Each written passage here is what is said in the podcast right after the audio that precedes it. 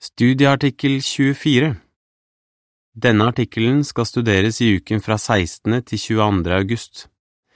Du kan unngå Satans feller. Temavers Redd deg ut av djevelens felle. 2. Timotius 2,26 Sang 36 Vi må beskytte hjertet vårt. Introduksjon Satan er som en dyktig jeger. Han prøver å fange oss uansett hvor lenge vi har tjent Jehova. I denne artikkelen skal vi se på to av de fellene Satan bruker for å prøve å ødelegge vårt forhold til Jehova, nemlig stolthet og grådighet.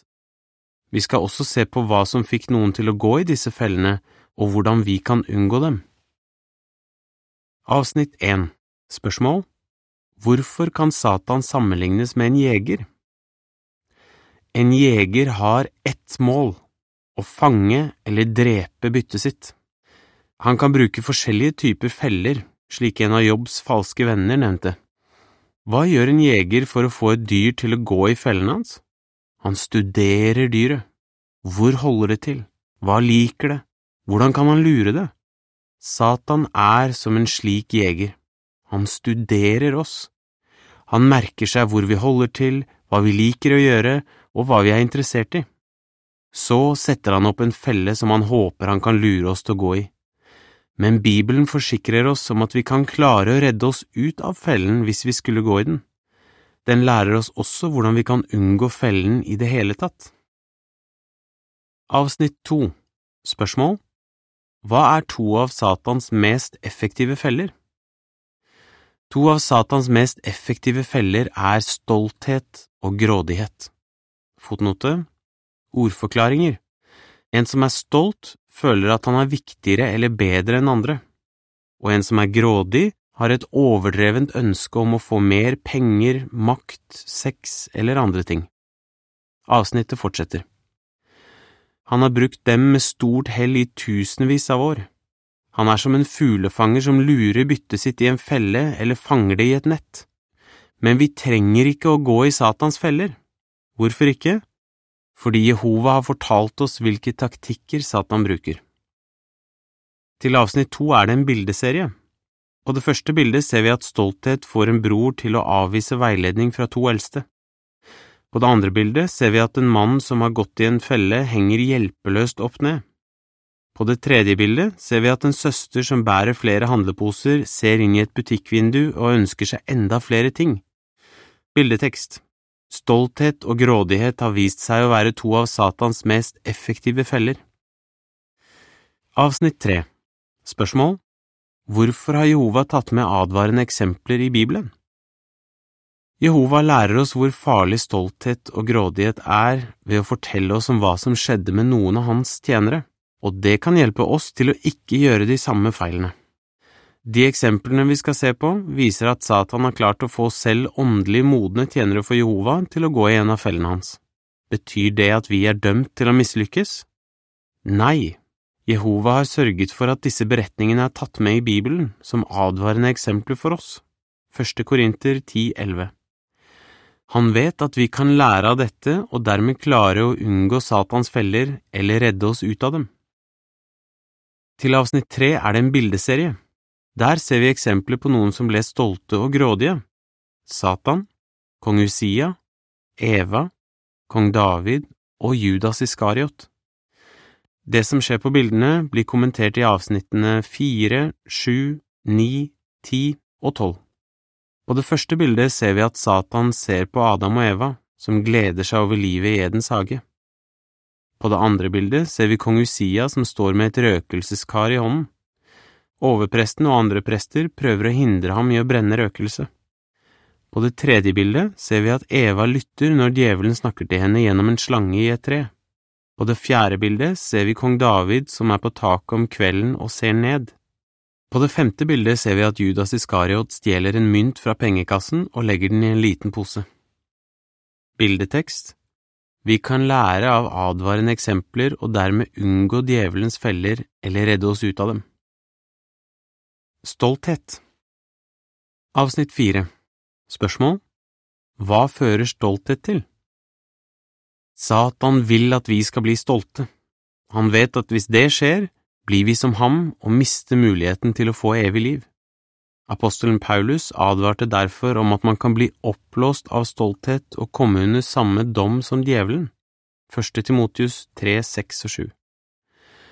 Det kan skje med hvem som helst av oss, enten vi er nye i sannheten eller har tjent Jehova i mange år. Avsnitt 5 Spørsmål Hvordan er stolte mennesker, ifølge Forkynneren 7, 16 og 20? Stolte mennesker er selvopptatte. Satan prøver å få oss til å være mer opptatt av oss selv enn av Jehova, særlig når vi har problemer. Har du for eksempel opplevd å bli anklaget for noe du ikke har gjort, eller har du blitt urettferdig behandlet? Satan ville blitt veldig glad hvis du skyldte på Jehova eller på brødrene og søstrene, og han vil at du skal tro at den eneste måten å løse problemet på er å gjøre ting på din egen måte, i stedet for å følge den veiledningen Jehova gir gjennom Bibelen. I Forkynneren 7,16 leser vi, Vær ikke altfor rettferdig, og oppfør deg ikke altfor klokt, hvorfor skulle du ødelegge deg selv? Og i vers 20 står det, Det finnes ikke noe rettferdig menneske på jorden som alltid gjør godt og aldri synder. Avsnitt 6 Spørsmål Hva lærer du av det en søster i Nederland opplevde? En søster i Nederland irriterte seg veldig over andres feil og ufullkommenheter. Hun syntes det ble et så stort problem at hun ikke lenger orket å være sammen med dem hun irriterte seg over.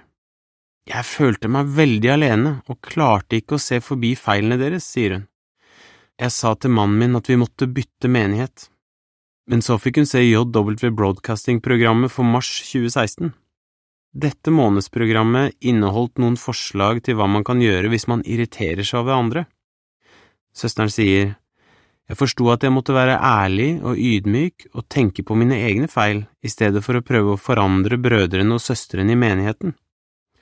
Programmet hjalp meg til å fokusere på Jehova og på hans rett til å bestemme hvordan vi skal oppføre oss. Ser du poenget? Fokuser på Jehova når du har problemer. Be ham om hjelp til å se på andre slik han ser på dem. Din himmelske Far ser feilene deres, men tilgir dem villig. Han vil at du skal gjøre det samme. Avsnitt 7 Spørsmål Hva skjedde med kong Usia? Stolthet fikk judakongen Usia til å ignorere veiledning og gjøre noe han ikke hadde rett til å gjøre. Usia var dyktig til mange ting. Han vant mange kriger, gjennomførte store byggeprosjekter og drev omfattende jordbruk. Den sanne Gud ga ham framgang. Andre krønikebok 26, 3–7 men da han var blitt mektig, ble hans hjerte hovmodig, og det førte til hans fall, sier Bibelen.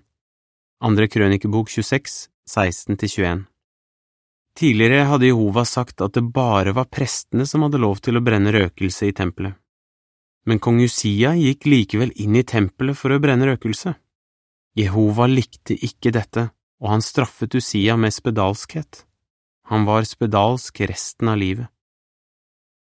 Avsnitt 8 Spørsmål Hvordan hjelper første Korinter 4, 6 og 7 oss til å ikke bli stolte? Kan stolthet få oss til å gå i en felle, slik Usia gjorde? Tenk på det som skjedde med José. Han var en vellykket forretningsmann og en respektert eldste i menigheten. Han holdt tale på stevnene, og kretstilsynsmenn pleide å spørre ham om råd. Men jeg stolte på mine egne evner og på min egen erfaring, innrømmer han. Jehova hadde blitt fjern for meg. Jeg trodde at jeg var sterk, så jeg hørte ikke på advarslene og veiledningen fra Jehova. José begikk en alvorlig synd og ble ekskludert. Det er flere år siden han ble gjenopptatt. Han sier nå, Jehova har lært meg at det som er viktig, ikke er å ha en tittel, men å gjøre det han ber oss om. Vi må huske at de evnene vi har, og de privilegiene vi har fått i menigheten, kommer fra Jehova. Hvis vi er stolte, vil ikke Jehova bruke oss.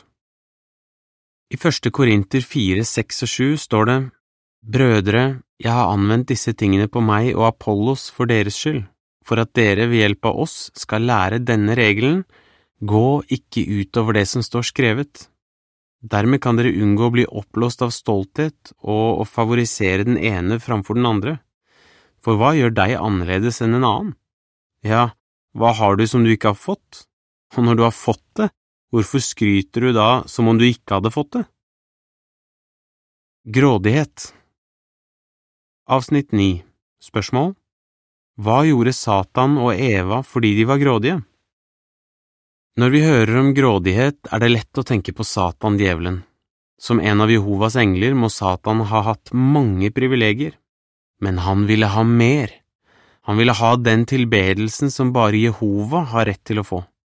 Satan ønsker at vi skal bli som ham, så han prøver å få oss til å føle at det vi har, ikke er nok.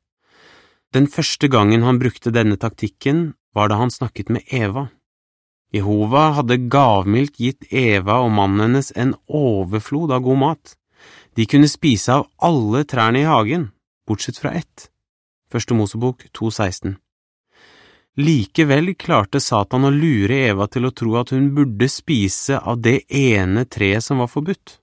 Eva var ikke fornøyd med det hun hadde, hun ville ha mer. Vi vet hva det førte til. Eva syndet, og med tiden døde hun.